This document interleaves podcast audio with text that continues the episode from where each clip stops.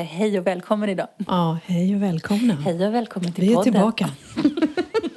Idag låter vi lite granna som vi gjorde i början. Ja, ja. Ska Utbildningspodden. vi ha den här nivån på rösten idag? kommer inte funka. Nej. Nej, så Ja. är det. Vad händer? Ja, vad händer? Jo, vi- vi fick en uppföljningsfråga på förra veckans podd.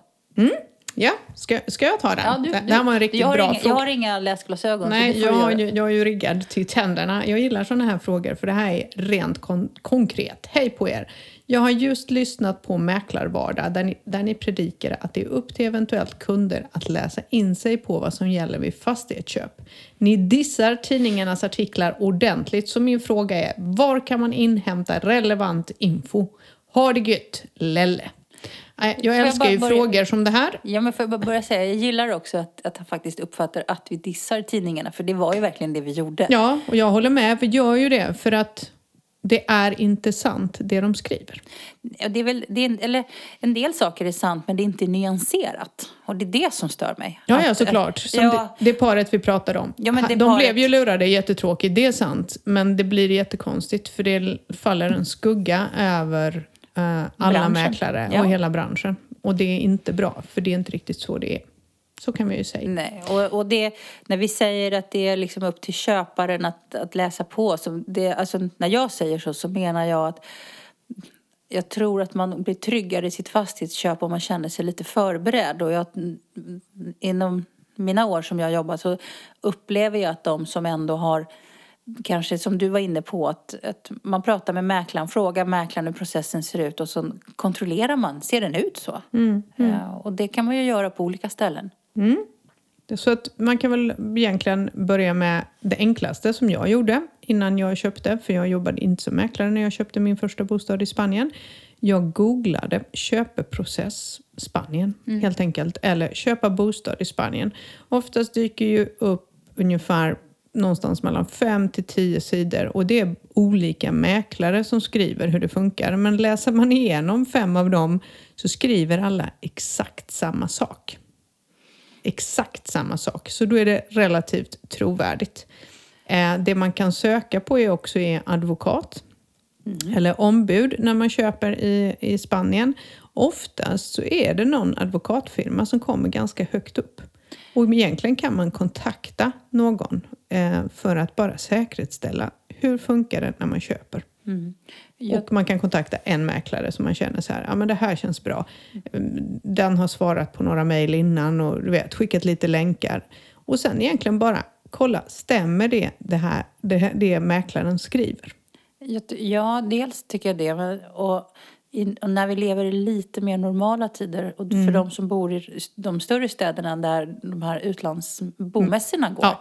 så är det ett, ett, ett stort tips liksom när man i Åk början dit. åk dit. De har en hel del föreläsningar och det är oftast advokater som har Mm. på något sätt en anknytning från Spanien som eh, pratar svenska och som har föreläsningar där man går igenom processen. Mm, där man pratar om det och sen så kan man även passa på att prata med de brukar ibland ha montrar där, precis som vi mäklare. Så man kan träffa oss eh, faktiskt, både dig och mig på de här utlandsmässorna. Man kan träffa ombud, advokater och sen så har vi de här som jobbar med Svenska magasinet, Sydkusten, MyMove och alla de. Eh, de är ju också ganska väl pålästa i eh, området, alltså hur det funkar. Så då kan man faktiskt bara ställa frågor. Så det skulle vara mitt starkaste tips. Besök en mässa. Det, det egentligen vi försökte säga var väl, vi var lite upprörda förra veckan, men det vi försökte säga är att precis kanske gå till en bättre källa. Det kanske är bättre att läsa på Sydkusten eller Svenska magasinet som verkar härifrån än en, en journalist från, från Sverige som inte vet egentligen hur det fungerar. Och det är därför som jag också har emot det när man går ut på kanske sociala medier och ställ, slänger ut en fråga på Facebook. För att jag ser lika många som svarar som jag vet kanske inte ens har köpt en bostad här nere. Men man har en, en stark uppfattning om hur det går till. Ja, och det, det, var, det var väl det egentligen vi var upprörda över. För vi får vår beskärda del av skit, så det räcker ändå via sociala medier och massa artiklar. Och sen så var egentligen det här då att de här blev lurade och, och då ballade det ur helt att bara nej, lita inte på en mäklare, litar inte på det här, lita inte på det här. Och då är det så här, först då ska man nog inte köpa. Nej, det som alls, jag tycker är viktigt. jag. Nej, men jag tycker det som är viktigt, jag vet inte om vi verkligen förtydligade det förra veckan, att mäklarens roll är en helt annan här nere. Mm. Våran, du var inne på det, det här med att Alltså, vi har inte det juridiska ansvaret, för det är därför du har ett juridiskt ombud. Mm. Men vi bidrar ju med vår kunskap, vår områdeskunskap. För det är ju svårare för en kund många gånger att köpa på distans. Man kanske ska hit. Vi är våra ögon och öron på plats. Vi kan områden.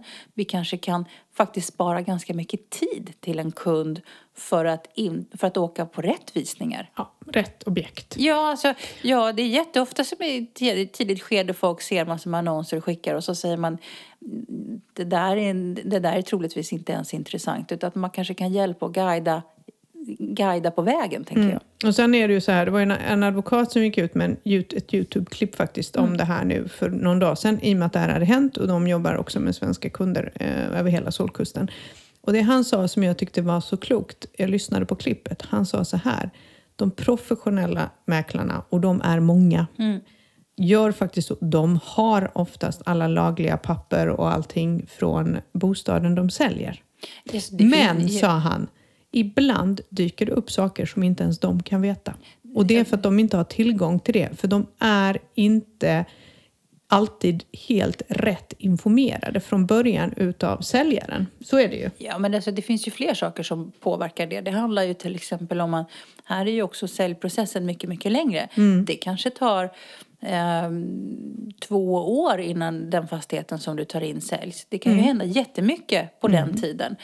Och det finns en del saker som vi faktiskt inte kan kontrollera. Sen så vill jag också dementera att vi inte har någon koll. För att det är så att det finns vi. krav på oss att ta in en viss typ av dokumentation. Det, det är därför vi kontrollerar att, liksom vem som är ägare till fastigheter. Men eftersom vi också jobbar på ett annat sätt här nere så är vi ju ibland en kontakt. Vi kan ju vara den som representerar den, representerar den som ska köpa och tar den till kanske en, en spansktalande mäklare som har säljaren. Då har ju vi aldrig kunnat haft möjlighet att titta på dokumentationen. Det är därför man ska bli representerad. Så jag tycker att det är därför som liksom man bara ju mer man förstår och, och jag tycker också man ska fråga, som du var inne på, man, man kan ju fråga det man har läst på. Man kan ju fråga sin mäklare, stämmer det här? Ja, absolut. Tycker jag. Ja.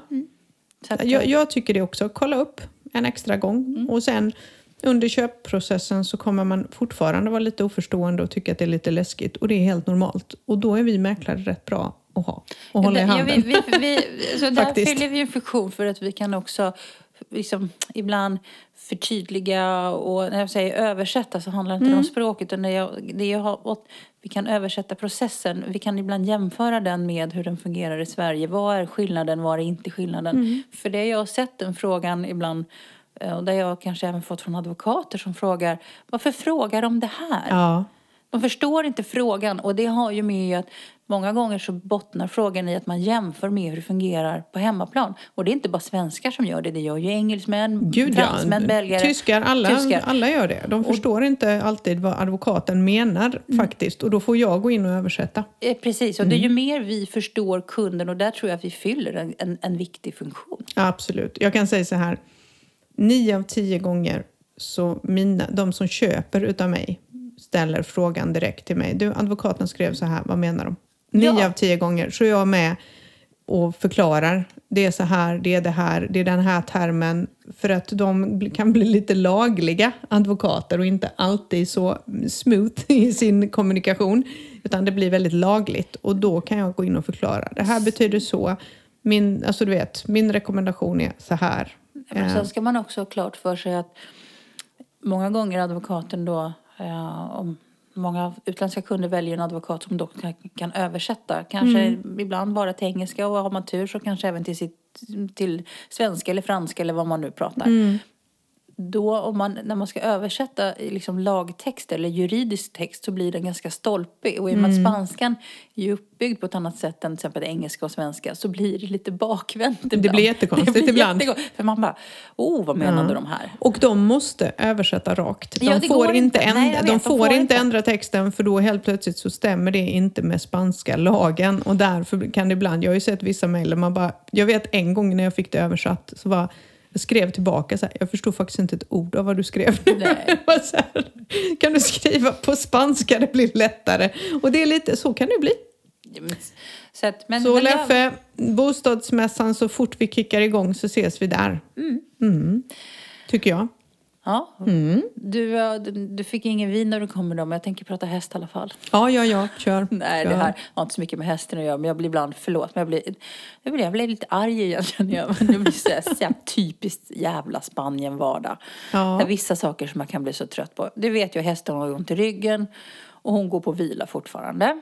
Mm. Ja, och så, så vill jag ha en second opinion så jag fick tag i en, en annan veterinär. För min ordinarie veterinär, hon var mammaledig. Sjukt dåligt. Eh, Mm. Fruktansvärt ja, jag dåligt. Tycker, jag bara, Ja. men ta med dig den här jävla ungen. Min häst har ju ont. Ja. Men i alla fall, och det är ju svårt, det är känsligt det här. Det är ungefär som man ska byta doktor liksom. Ja. Eh, I alla fall, och får tag i en veterinär och han säger nej, hon behöver fysioterapi. Och nu har jag då haft tre utlåtande på att hon behöver fysioterapi. Nu är Bosse här igen.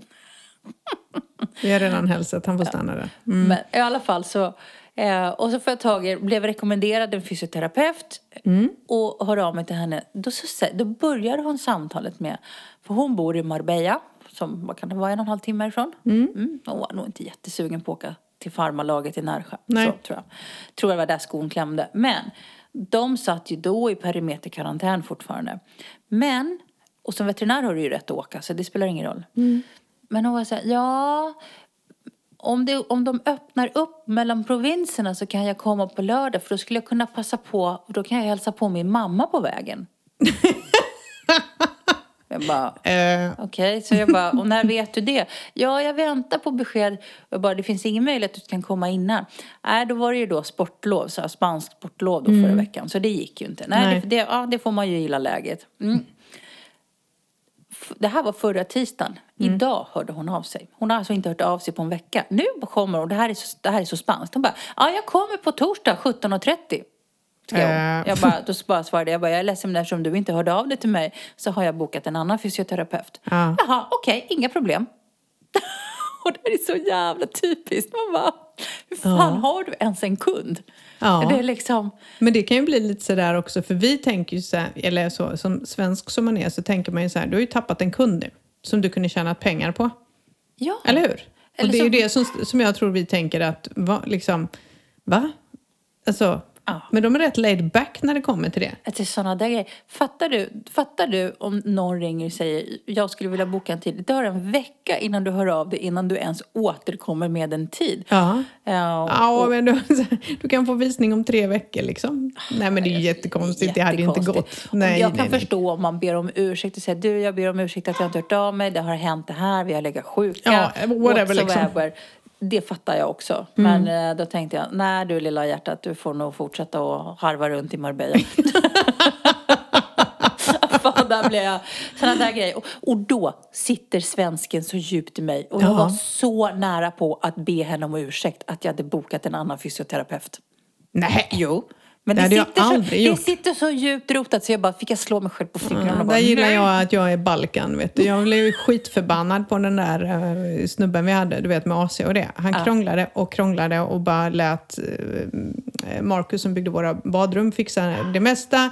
Och sen helt plötsligt så sprängdes alla rören och då skickade han dit någon och så gjorde de ingenting och så kom de tillbaka och du vet så här. Och sen så hade han fan med mage att fakturera mig det där. What? Ja, ja, ja. Vi fick betala ordentligt för att de hade åkt upp och tittat på de sprängda rören och sen bytt dem. Fastän det var deras fel. Så när han kom för att lämna över fakturan, för det skulle han ju göra personligen. Då bara sa jag till Martin, ah, du, han bara, ah, nu kommer han, jag vill inte säga hans namn. Ah, nu kommer han och säger, du, så, du tar emot fakturan på terrassen, jag vill inte se han i mitt hus. Jag vill inte se han i närheten av mitt hus igen. Han kommer aldrig mer få ett jobb av mig. Någonsin. Jag var så förbannad Jag skulle alltså. nog behöva lite Balkan. Jag, där blir ju jag sådär att, Icke, han är kapad for life. Och vet du vad jag gjorde bara för att jävlas? Jag drog på att betala fakturan. Bara för att markera. Och sen så skickade han ju så meddelande till mig. Jag bara, nej, jag läser inte dem. jag vägrar. Så jag bara, nej, han får vänta. För det är de snabba med. De ska ha betalt. Fort som ögat ska de ha. Gärna cash. Bara, Nej, du får ingen cash. Jag vill ha faktura. Och sen så kan de inte vänta fem dagar för då får de ju panikångest. Nej, men cash is king här nere. Mm, är men det jätte- blir ingenting av det. Så han är bannlyst. Balkan bannlyst. Ja, det är inget man skojar bort kan jag säga. Men har, har du inte hört det? Jag har inte berättat det. Ehm, när, för ett par år sedan vi hade en, en lokal restaurang här nere vid poolen. Och det var jättebra för det var så mycket svenskar här nere. De köpte så mycket hela tiden. Jag ber om ursäkt för störningsljuden. Jag släppte in den där, den där lilla saken på fyra ben och nu ska han ut igen. Nu pausar jag. Häng kvar.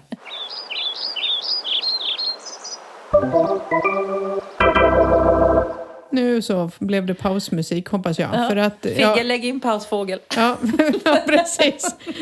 In med pausfågeln. Skithund. Vad var det där? Jag fick pausa. Kommer du ihåg det? De här Ja. gamla pausfåglarna, eller du är inte Ja. så gammal. När man hade pausfågel på, mellan programmen. Ja, ja. På tvn. Ja. Nej, som programmen gick ju inte ett i ett va? Nej. Och så var det klockan och Ja. så var det pa- veckans pausfågel. Ja, den, jo, det är klart jag minns den. Så jag är inte så ung, även om det var snällt sagt. Det måste vara mitt shiny hair som gör det nu. Ja, Du måste nästan berätta vad du har gjort. ja säg det vad jag har gjort. Jag går ju med på saker. Vet, jag insåg, jag är så lik min mamma. Alltså jag är så lik min mamma och jag bara känner så här, motar det är jättemycket. Min mamma hon är ju så här, ja men då kan man kladda i lite färg så blir det nog bra. Men nu har jag ju slutat kladda färg utan nu går jag till en frisör. Jag kladdade också färg och bara bytte färg så här. Jo, men nu har jag ju varit där. Jag ser ju ut som Diana Ross vanligtvis. Eller en dålig kopia av henne faktiskt, för hon är rätt snygg. Du är väl, du är väl sinnebilden för det. Jag har aldrig fattat vad frissigt hår är. Men Nej, men jag är ju frissigt hår. Men jag ser ut som Ronja Rövardotter. Det är likheten. Jag skrev på min privata Facebook att jag har patent på den frisyren. Det är jag och Ronja Rövardotter, and that's it. Ingen annan. Och grejen är så här, det är ett jätteproblem. Framförallt i Spanien. För att det är fuktigt, och så är det varmt och sen är det fuktigt. Och nu är det fuktigt, fuktigt, fuktigt. Så när jag tvättar mitt hår så är det alltså Ronja Rövardotter på riktigt. Och det går inte att få någon styr på det. Och alla säger ja, du kan använda arganolja och Bluttanblä. Jag har gjort allt det, det funkar inte. Hur som helst så var jag hos min frisörska. Du bara flabbar åt mig. Jag har gjort allt. Jag, jag kan inte ens relatera till det här. Jag, jag har ju liksom... Nej, jag vet. jag Du- har verkligen opposite. Ja, du har ju så här platt, fint skandinaviskt hår. Fint. Ja, Men du du, har ju ganska- sett mig en Ja. gång när jag lät det självtorka. Så sa du så här, oj vad mycket volym du har. Jag har aldrig sett dig så där. Nej, men det roliga var att vi kom till dig och håret var fuktigt och sen under tiden det torkade Ja. så bara, det, så här, det svällde Ja. liksom, som en tampong. Ja, ja, och det är aldrig någon som tror mig. Och grejen är så här, okej, ni som har tjockt, liksom mörkt hår, så här, som jag, utlänning, blattehår. Det, alltså, det, bara, det funkar inte. Hur som helst. Förlåt Det att var, jag jämförde ditt hår med en tampong. ja, nej, det är helt okej gumsan. Det var en av de finare komplimangerna jag har fått. Nej men alltså det är ju helt katastrofalt. Men hur som helst, jag kommer till min fabulous frisörska och då säger hon ju så här. Ja, du vet. Det har ju kommit en ny keratinbehandling Emma. Och den ska vara, och så visar hon mig någon bild och det bara glänste och jag bara kör! Och sen, mitt i det här då, typiskt mig, för det, det hände ju när hon skulle ljusa upp mitt hår, kommer du inte ihåg det? Jag blev fast åtta timmar. Jag tänkte så här, fan det här var ju dumt. Eh, men jag bara, kör! Allt som funkar är skitbra, tänkte jag. Och sen då så hade hon ju kluttat i det där, men hon höll på där och det skulle fönas och det skulle mm, kladdas och ja, du vet så här. Jag är inte så bra på sånt där, så jag satt där och så tänkte så fan det sticker lite i ögonen, men ja, jag tänkte det här. Så här. Ja, hur som helst när allt var klart så bara tittade jag så här, jag bara, har jag blivit lite blond? Ja, säger hon, jag tror det, men det är ganska snyggt. Så. Men kontentan av det, jag har gjort en keratinbehandling. Den finns inte i Sverige, den är faktiskt från Spanien, Valencia. Den är helt ny, ganska dyr sak. Så hon hade precis tagit in det och den är inte farlig för den har inte såna här cancerframkallande ämnen i sig som de andra har. Som har samma effekt. Eh, Så jag lät henne göra det och I love it. Så jag ska duscha, för först, tvätta mitt hår nu för första, för första gången på flera år. Jag var ju där... Jag var, jag var där i lördags och nu ska jag tvätta håret idag. Och då är det som så här, jag behöver inte göra någonting. Det kommer vara så här shiny Vella shampoo-reklam, fint. Skratta inte åt mig. Du, du fattar ju själv om det här inte funkar när jag har tvättat mitt hår. Ja. Då kommer jag ju bara Då få ett pungar bryt. ut Och då, 130 euro i onödan. ja, och då kommer jag säkert se ännu värre ut än vad jag gjorde innan. Eller så kommer hela håret falla av. Det kan hända. Jag har inte en aning om vad jag har gjort. Men jag är snygg just nu. Ja, du är jättesnygg. Skitsnygg. Det är så här verkligen. Jag satt och flängde med håret eh, och jag kände mig som en sån här schamporeklam. Så jag tänkte så här, det kanske är min nya roll i livet. Why Shampoo not? Emma. Shampoo Emma. Ja, why not? Ta betalt för Ja. så här, mm, glansigt hår. Ja, vi får se hur det ser ut sen. Men det har jag gjort. Det är vad jag har gjort denna veckan. Aldrig mer Ronja Rövardotter. Och sen har du ätit middag med oss igen. Ja, flera gånger va? Mm, för det, det egentligen ska ju leda in till veckans ämne. Ja, För äntligen. att det var så här. Vi Kanske käk- folk tar oss på allvar. Ja, men det var så här. Vi käkade middag i lördags och så började vi... Du tog upp, det gått, gick en dokumentär för typ ett och ett halvt år sedan va? Om, Ja, eller, nej, eller ett år sedan. Jag kommer Ja, inte ens ihåg. Det inte sådär. Det var ju, ja. på SVT om, om svenskar på solkusten. Ja. Som var väl en ganska, eh, fick ganska mycket kritik, som var en ganska deprimerande bild av hur folk är liksom, uteliggare och alkoholiserade här nere. Mm, Ja, och jag fick då i, i, i hemläxa av dig försöka titta på den här, men jag lyckades inte hitta den. Nej. Men jag hittade lite andra YouTube-klipp och jag säger, det verkar ju finnas en del sådana, vad ska vi säga, vinklingar av att folk flyttar ner på, på solkusten och, och dricker för att bli alkoholister. Och, och det är väl det man filmar, för det är väl det som är intressant att titta på. Jag vet inte, tänker jag. Det kanske det är det. Jag vet inte. Nej, men och vi har ju varit inne och berört det här ämnet i en i ganska ti- tidigt avsnitt när vi började med podden. För att det är ju, det finns ju, jag tror att det finns en ganska överhängande risk att man, att man dricker för mycket när man kommer hit. Eh, absolut. Jag tror att det är så. Och, och det vi pratade om i Och lördags, nu det var ju pratar vi först... inte om, om vatten. Nej, inte vatten. inte att man dricker för mycket vatten. Det är sällan det faktiskt. Det är fler faktiskt som tuppar av i värmeslag. Nej, men just varför... Vi tog ju upp det här i lördags och sen gick ju min hjärna igång. För att det var ungefär, tror jag, ett och ett halvt år sedan som det var en kille från Solkusten som la ut ett Facebook-inlägg som faktiskt berörde mig jättemycket. Och han skrev så här, och han bor och jobbar här nere. Och då skrev han ungefär så här, jag har inte plockat fram det exakt, men han skrev är det någon mer här som känner igen sig? Att man går ut och så käkar man middag och så dricker man massa vin med sina kompisar. Och sen kommer man hem och så drar man en flaska till själv ensam. Typ. Eh, och jag tyckte, det var första gången sociala medier faktiskt gjorde mig glad. Det var en uppslutning i det här där han outade sig själv totalt. Och många kände igen sig. Och han fick även tips och råd om eh, vart han kunde få hjälp. För det finns anonyma alkoholister även här. Och han tog tag i det här. Och jag vet att jag har sett vid några tillfällen att han outar eh, du vet, mötena som de har, eh, anonyma alkoholister. Var det är någonstans, vilken tid och vilken dag. Så att han är ju antagligen helt nykter idag, vilket glädjer mig. Jag tyckte det var ganska stort av honom att göra det. Och därför tänkte vi väl, för jag tog upp det med dig och sa så här, tror du inte att risken är ganska stor att man hamnar i den onda cirkeln när man flyttar hit? Jag tror det. Jag är helt övertygad om att det är väldigt lätt. Jag vet inte om du tycker som jag. Både ja och nej. Det beror nog lite på vem man är som person och vad man har för bakgrund. Och, um, har, man, har, man, har man de tendenserna och de anlagen sen tidigare så ja, då tror jag att det är lättare att falla dit när man väl är här. För att tillgången på alkohol är... Alltså det jag tycker att jag ser är ju att det finns en stor grupp människor som, som eh, kanske slutar jobba om man inte haft så mycket fritidsintressen. Och har man inga fritidsintressen så är det väldigt lätt att när man träffas socialt så dricker man alkohol. Ja. Och, och det gör man eh, inte bara två dagar i veckan utan man gör det, man träffas och äter, så har man lunch och sen äter man, dricker man vin. Och helt plötsligt som, man, som du säger druckit en flaska vin till lunch och inte reflekterar över att, att det inte bara var ett glas vin till lunch. Jag tror att det är jättevanligt.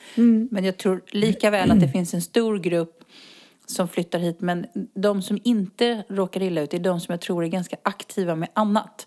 Och det som vi ser det är folk som gillar att vandra, som kanske liksom gör andra saker. De tror jag, så jag tror, jag tror, jag tror att det finns liksom två läger. Men jag, jag, jag tror att om man har anlagen för det sen Jo, så är det innan lättare och att... trilla och- dit här. För att det är billigt. Men det är, ett, det är billigt. Det, det är en tillgång. Du kan ju köpa det precis var som helst. Du kan köpa det på macken, i snabbgrossen, eh, lilla Kina-butiken, eh, stora supermarkets. Det spelar ingen roll. Du får ju tag på alkohol här dygnet runt om du skulle vilja. Ja, du kan ju bara gå ner och skulle affären vara stängd så går du ner på lokala restaurangen och så köper du en, fl en flaska Ja, direkt och och tar med dig hem. hem. Ja, Men det, så det liksom- går ju. Eh, och så är det billigt. Och jag tänker så här också. Eh, för att man har ju, det är ju olika typer av alkoholism. Du har ju, som, när vi växte upp så var det ju så här, de som satt på en parkbänk och drack liksom öl. Det är ju det vi förknippar. Och så luktade det liksom mycket alkohol runt om och så var man lite rädd för dem. Nu avslöjar vi hur gamla vi är här. Ja, Nej, jag precis. skojar bara. Nej, jag bara- Men det minns man Nej, ju men från när man var liten. Och sen så har man det här med alkoholism i hemmet, som var ganska med trasiga familjer. Det har vi också. Men här nere tror jag att det är lättare att man blir fin alkoholist. Men jag tror att det är, inte bara här nere, jag tror att den typen av alkoholism är, har klivit in på arenan och den finns även i Sverige. Men det här att folk vardagsdricker ju mycket mer idag än vad man gjorde för 20-30 år sedan tror jag. jag man, man, även i Sverige så tror jag att det är så. Jag såg någon dokumentär eller läste en rapport eller någonting om, om det. Där man ser att folk dricker ju mer även i Sverige. Det kommer ju, men om jag tittar för jag fick ju den kommentaren när vi flyttade hit att ja men var försiktig nu Mariette när du flyttar till Spanien så du inte liksom blir alkis där nere. Och så, Nej men det är jag inte så orolig för. Eh, Jag har ju jobbat i liksom, Stockholms innerstad. Jag har ju suttit på Stureplan och jobbat och det kan jag säga var mer än en dag i veckan som man gick ner och tog ett glas vin efter jobbet. Eh, Mycket mer än vad jag gör här nere. Däremot, Det är för att det är stängt. jag har ställt Nej, mig bara Men- fan, ja.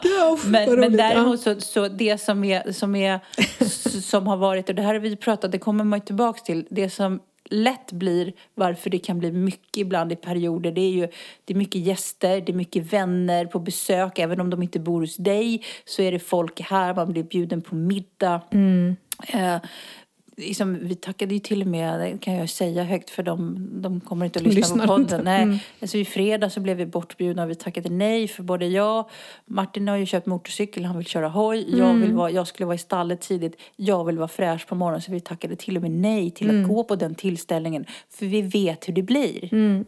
Ja, det är ju så man får göra. Men jag, det vi pratar om är så att jag, jag tror, jag, jag är av den uppfattningen att jag tror att det är många som kommer hit och dricker mer än vad de har gjort vanligtvis. Ja, det tror jag. Det tror jag, absolut. Jag ser, och det vi pratar om i något utav, i början, när vi pratar om det här med smekmånadsfasen. Mm. Man kommer hit, det ny, man ska starta ett nytt liv, man har börjat på sitt nya jobb. Det är bara flip-flop och härliga tunna små liksom, klänningar och det är lite laid back och man äter tapas och alla tar ju en öl liksom sådär. Jag tror faktiskt att det är mycket lättare än vad man tror att fastna i det. Att trilla dit ja. Ja. Och att, att man helt plötsligt, eh, jag tror att en hel del skulle behöva kanske börja bokföra. Det är ungefär som jag säga, jag som nu kan Ja. jag outa med min, min challenge, jag som försöker viktväkta här nu. När man börjar bokföra vad man faktiskt äter och dricker.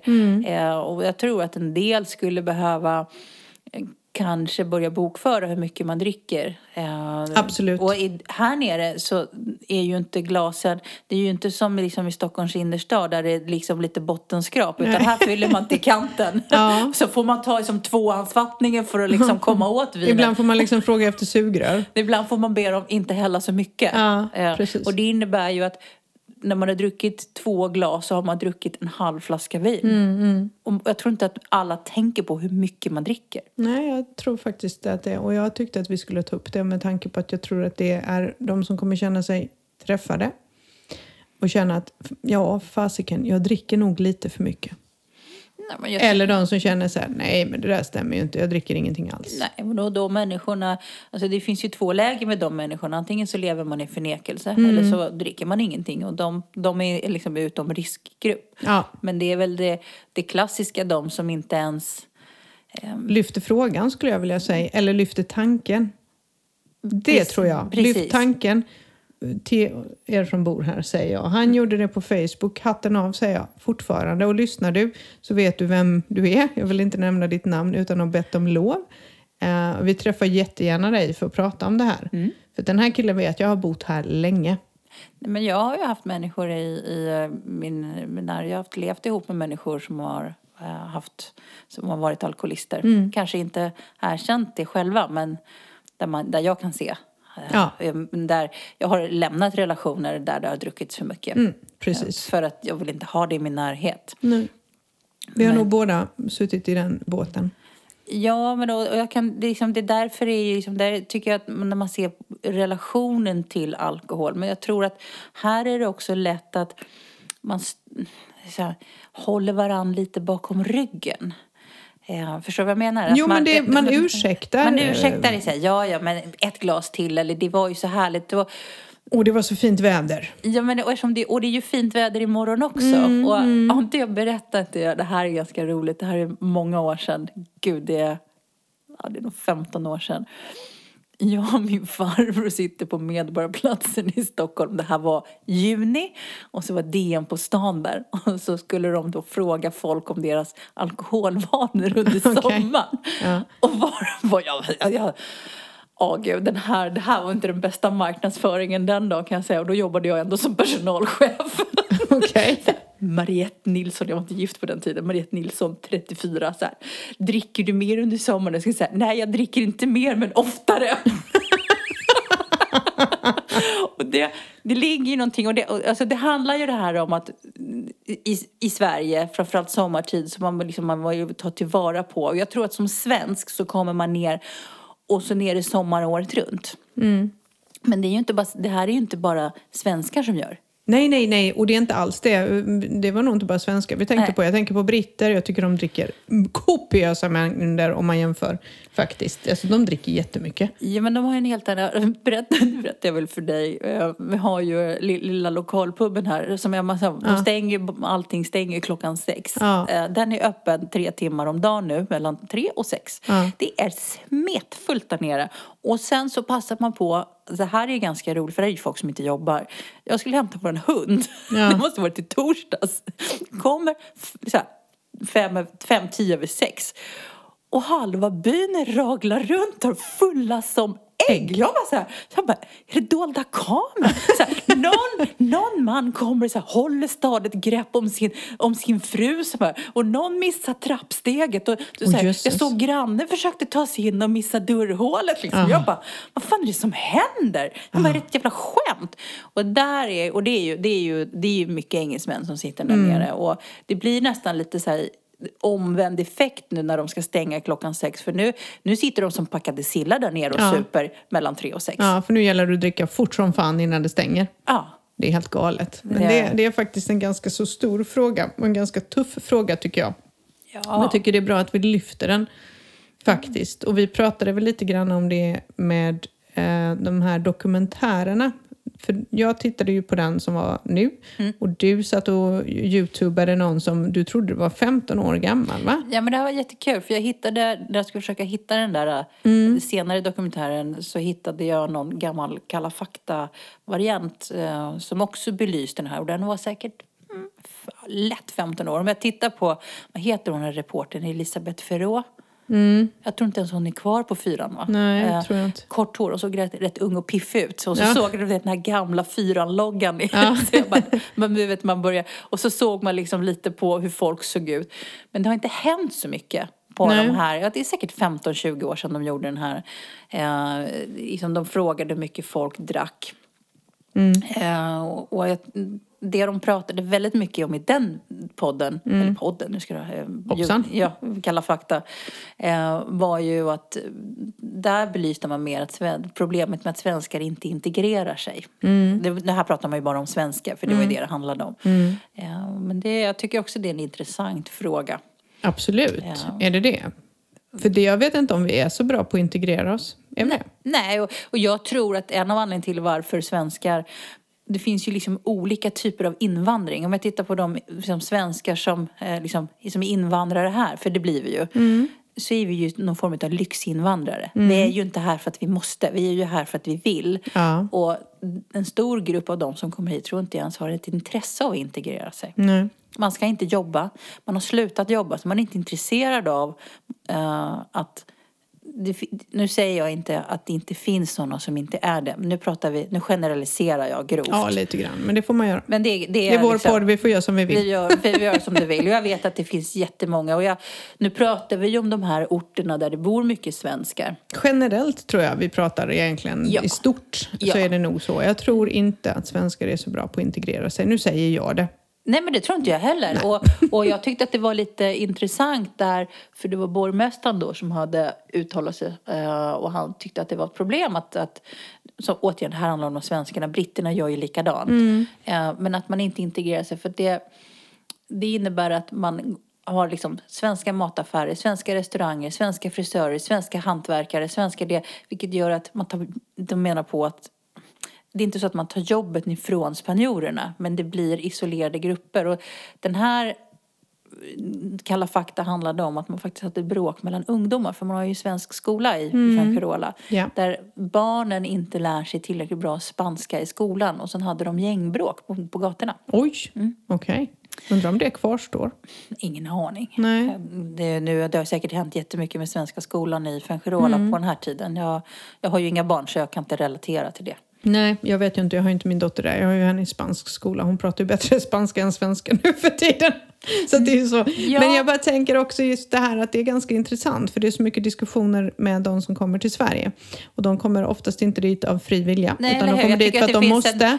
Utan de måste för det är krig i deras land eller det är svält eller, och, och det är, för det är krig i världen. Och då förväntar vi oss att de ska integrera sig. Vi tycker att språket är viktigt, vi tycker en himla massa saker.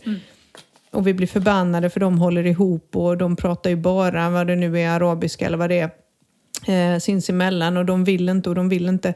Men vi är fan inte mycket bättre. Nej, det tror jag inte. Jag, och det tycker jag, jag tror att det är... är eh, Jag tror att de modiga vågar nog säga att så är det nog så som vi säger. Och sen nej, finns det jag, de som jag, tycker ska, att vi är jag, dumma. ska, jag, ska, jag ska villigt erkänna att, att eh, under de åren vi har bott här så har vi ju... Eftersom vi kom hit ner och jobbade för ett svenskt företag så har det varit svårt att integrera sig. För det, var, Mm. det har varit svårt, det är svårt att vara lite medelålders och lära sig ett nytt språk. Jag önskar att jag hade varit duktigare på det. Med det sagt också is att vi bor ju vi hade en spansk kollega och han, han, han, han förstod inte för jag sa det, det är svårt att lära sig sp- spanska här. Han bara, det kan inte vara svårt att lära sig spanska i Spanien, tyckte han. Men det är lite så för att det har varit jättesvårt att integrera sig med spanjorerna när man inte kan språket. Och där är ju nyckeln. Eh, såklart. Och jag Mm. Önskar, eh, jag önskar att jag vore bättre på att säga att jag lever och tittar på spansk tv. Jag har försökt. Den är så katastrofalt dålig så jag pallar inte spansk tv. det jävla lekprogram och skit om Nej men du kan kolla på Netflix så kan du bara byta till spanska Ja, men filmer. det, men det gör jag. Mm. Men det är någonting annat. Idag är ju tv annorlunda än vad det var Mm. för 15 år också i och med att man streamar tv på ett annat sätt Mm. idag. Så det kan man ju faktiskt göra. Eh, Men jag tror att det är nyckeln. Jag tror inte att vi är så bra. eh, För det är svårt att integrera sig. Så jag kan nog någonstans känna med alla flyktingar som har kommit till Sverige hur svårt det är. är så Att hitta vänner och hitta... Som du säger, vi som kom hit, vi hittade bostad för vi hade pengar. Vi, eh, hittade, vi fick välja vart vi ville bo. Vi blev inte satta i ett område du och jag, eller hur? Utan vi valde ju vart vi Nej, ville bo vi ju någonstans. Vi, fick ju, vi- valde att flytta hit. Vi har till och med valt våra bilar. Vi har valt eh, arbetsplatser. Vi har fått välja fastän vi inte kunde ett pip spanska. Sen är det ju Jag tror inte att ju det är också- så för de som kommer till Sverige. Nej, sen är det en stor skillnad. Om det här inte fungerar för mig så kan jag flytta hem imorgon. Precis. Alltså jag har ett land och det är ganska lätt att komma tillbaka och flytta dit. Mm, vi har ju svenska pass så vi kan alltid ta oss härifrån. Men jag tycker det är ganska intressant. Jag är ju uppvuxen i, verkligen i Stockholms, jag är uppvuxen i norra Botkyrka. Jag är Mm. uppvuxen ute i, liksom, i, i förorten. Ehm, och för mig har det ju aldrig varit något konstigt. Det har alltid varit marknader på byn och det har varit liksom, jag har ju ganska mycket kompisar med olika nationaliteter. Man har alltid ätit mat från olika kulturer. Eh, Men det, med det sagt så är det ju så att i de här eh, ganska invandrartäta förorterna så skapas det ytterligare en ny subkultur. För de pratar ett eget språk. Den svenskan som, som, som, eh, som vi pratade där när jag växte upp, det, är, det är ett eget språk. Det är en blandning av olika språk. Men, och jag tror varför en del kanske väljer att sätta sina barn i svensk skola när man flyttar till Spanien. Trots att man har tänkt sig att bo här. Det är ju så att det är ju svårt att hjälpa sina barn om man själv inte pratar språket. Det har ju vi pratat om. Att Alicia har ett övertag. För hon har ju haft ett ganska jobbigt läsår. Där det är ganska, ganska kvalificerad eh, liksom, matte och allt vad de Ja, ska gud, ja, kunna. det har varit jättetufft och för det, henne. Det hade, varit, det, det hade varit tufft att vara liksom, läshjälp för dig i Sverige. Men nu ska du också göra det på ett språk som du inte behärskar. Ja, ja, ja. Och det är svårare. Det är svårare. Men jag tror i, i slutändan så tror jag att Alicia har mer eh, utav det i livet. Jag tror hon blir rikare. Är hon- procent säker. Jag, jag tycker att ni... det- Men jag kan ju sitta här och ha åsikter. Jag tycker att om man planerar för att flytta hit så, så bör man sätta barnen i spansk skola. Jag tror att man ger dem en bättre förutsättningar. Sen förstår jag att man kanske planerar att vara... Sen beror det ju på vilken ålder barnen är. Är det så att barnen går i åttan och vill sen flytta tillbaka till Sverige för att gå gymnasiet där. Då är det inte lönt, Nej, då är det kanske. inte lönt. Så jag förstår att det finns massor med anledningar. Mm. Men om man, om man avs- har för avsikt att bara göra liksom en livsomvändning, då tycker jag att man tror att man ger, gör barnen en björntjänst om man inte sätter dem i spanska. Mm. Ja, men det fina är också att här finns ju andra svenska barn. Inte så många, men alla går ju i spansk skola. Och det gör också att Alicia hamnar inte i det svenska gänget. Är du med? Att de blir en grupp. Och för då blir det inte den subkulturen. Är du med? Att nu är det vi som är, som de säger, liksom utlänningar. Men de är så jävla roliga. Sist när vi var och käkade, hade Alicia, din kompis, och då hon ju brittiska. Ja. Och så märker du vad de gör ibland, så växlar de till spanska för när de ska prata någonting. Ja. Och, Men jag frågar dem det. ja. Alicias kompisar som är britter, vi har en holländsk tjej. Eh, de pratar spanska med varandra. Så jag sa, och det var rätt roligt för det här var Emily, det är ju en av Alicias första kompisar när vi flyttade hit. Eh, och då pratade inte Emily så bra spanska och Alicia kunde ingen alls. Idag pratar de spanska med varandra. Så vi hämtade Emily, de sitter i baksätet och så säger jag så här, varför pratar ni spanska med varandra? Så du är brittisk och Alicia pratar ju liksom brittiska. Och då bara säger båda i kör, det är mycket lättare. Och tänk att de två har gjort spanskan till sitt modersmål. Men de kan växla, det är rätt coolt. De pratar ju liksom, men de pratar faktiskt spanska med varandra. Mm. Nej, jag, Det är och- rätt coolt. Men vi har ju kompisar här som hade barn i skolan och där, där ungarna pratade, de var ju fler syskon och där Mm. ungarna pratade spanska med varandra för att inte mamma och pappa skulle förstå. Smart, smart. Men så är det ju, så har ju mina kompisar gjort när jag bott i Sverige. Mm. Med föräldrar som inte har behärskat språket. Det är som lite andra generationens invandrare. Så att det är väl inget konstigt. Mm. Nej, det är det inte. Det synd för Alicia att jag förstår vad hon säger. Tråkigt. Det är, det är ju samma här. Ja. Jag brukar säga det. Jag har ju fortfarande, jag är ju på den här tröskeln, jag förstår ju rätt mycket spanska. Och nu blir jag tvingad att prata spanska. Som jag sa den här festen vi hade med spanjorerna i stallet. Eller när min veterinär kommer som inte pratar, han pratar verkligen inte ord engelska. Nej, nej, Eh, så tar vi oss igenom det. Eh, och jag har faktiskt, det här är lite kul. Eh, sist han var och undersökte hästen så hade jag lättare att förstå honom på spanska än på engelska i och med att det är ju latin. Eh, och så att han skulle försöka förklara att han trodde att hästen hade artros. Ja, och det heter, samma, det heter samma sak på spanska. Men det gör det inte på engelska. Och det är lite helt, helt plötsligt så var det så här, jag har svårare att, liksom när man kommer till väldigt tekniska saker, liksom sådana här saker, då blir det, kan det även vara svårt på engelska. Mm, nej men jag, jag sitter ju i möten nu eh, sista tiden och de pratar spanska. Jag har för jag har lättare att förstå när de pratar spanska. Så jag har sagt till dem, prata hellre spanska och tänk på att inte prata för fort. För då hänger jag bättre med än när alla försöker prata engelska och ingen kan engelska. Är det nu och då vi blir- ska växla över och ha podden på spanska? Det hade varit något. Det hade blivit en väldigt kort podd. ja. Hola! Men vi har väl faktiskt två tips kvar. Ett från Kurt Ja, och ett får- från någon du, annan. Du, du får ta Så jag- från Kurt. Ja, men är Kurt, det här var, det här är det bli egentligen... dags att runda av. Ja, för det här var faktiskt, det här var ju faktiskt roligt. Jag måste bara hitta det. Jag dog av skratt. Vi hade ju det här, eh, ja just det, det var ju så, inte förra avsnittet utan förra igen, när jag bryter ihop och säger men sluta larva nu, vad, går, vad heter det, bränner ut sig. Ja. För att jobba hemma, vad är det för trams? Bara, det är bara svenskt liksom. Så här, jag blev lite arg. Och då skriver Kurt så här. Hej, idag blev jag utbränd när jag lyssnade på ert program. Det berodde inte på att jag var ensam eller utarbetare utan helt enkelt på att jag var ute och sprang. Kör på med vänlig hälsning Kurt. Så det kan man göra. Det är tips. Lyssna på oss när ni är ute och joggar. Precis, ta med oss när ni är på gymmet, när ni motionerar. Man kan alltid finnas i ett par öronnäringar.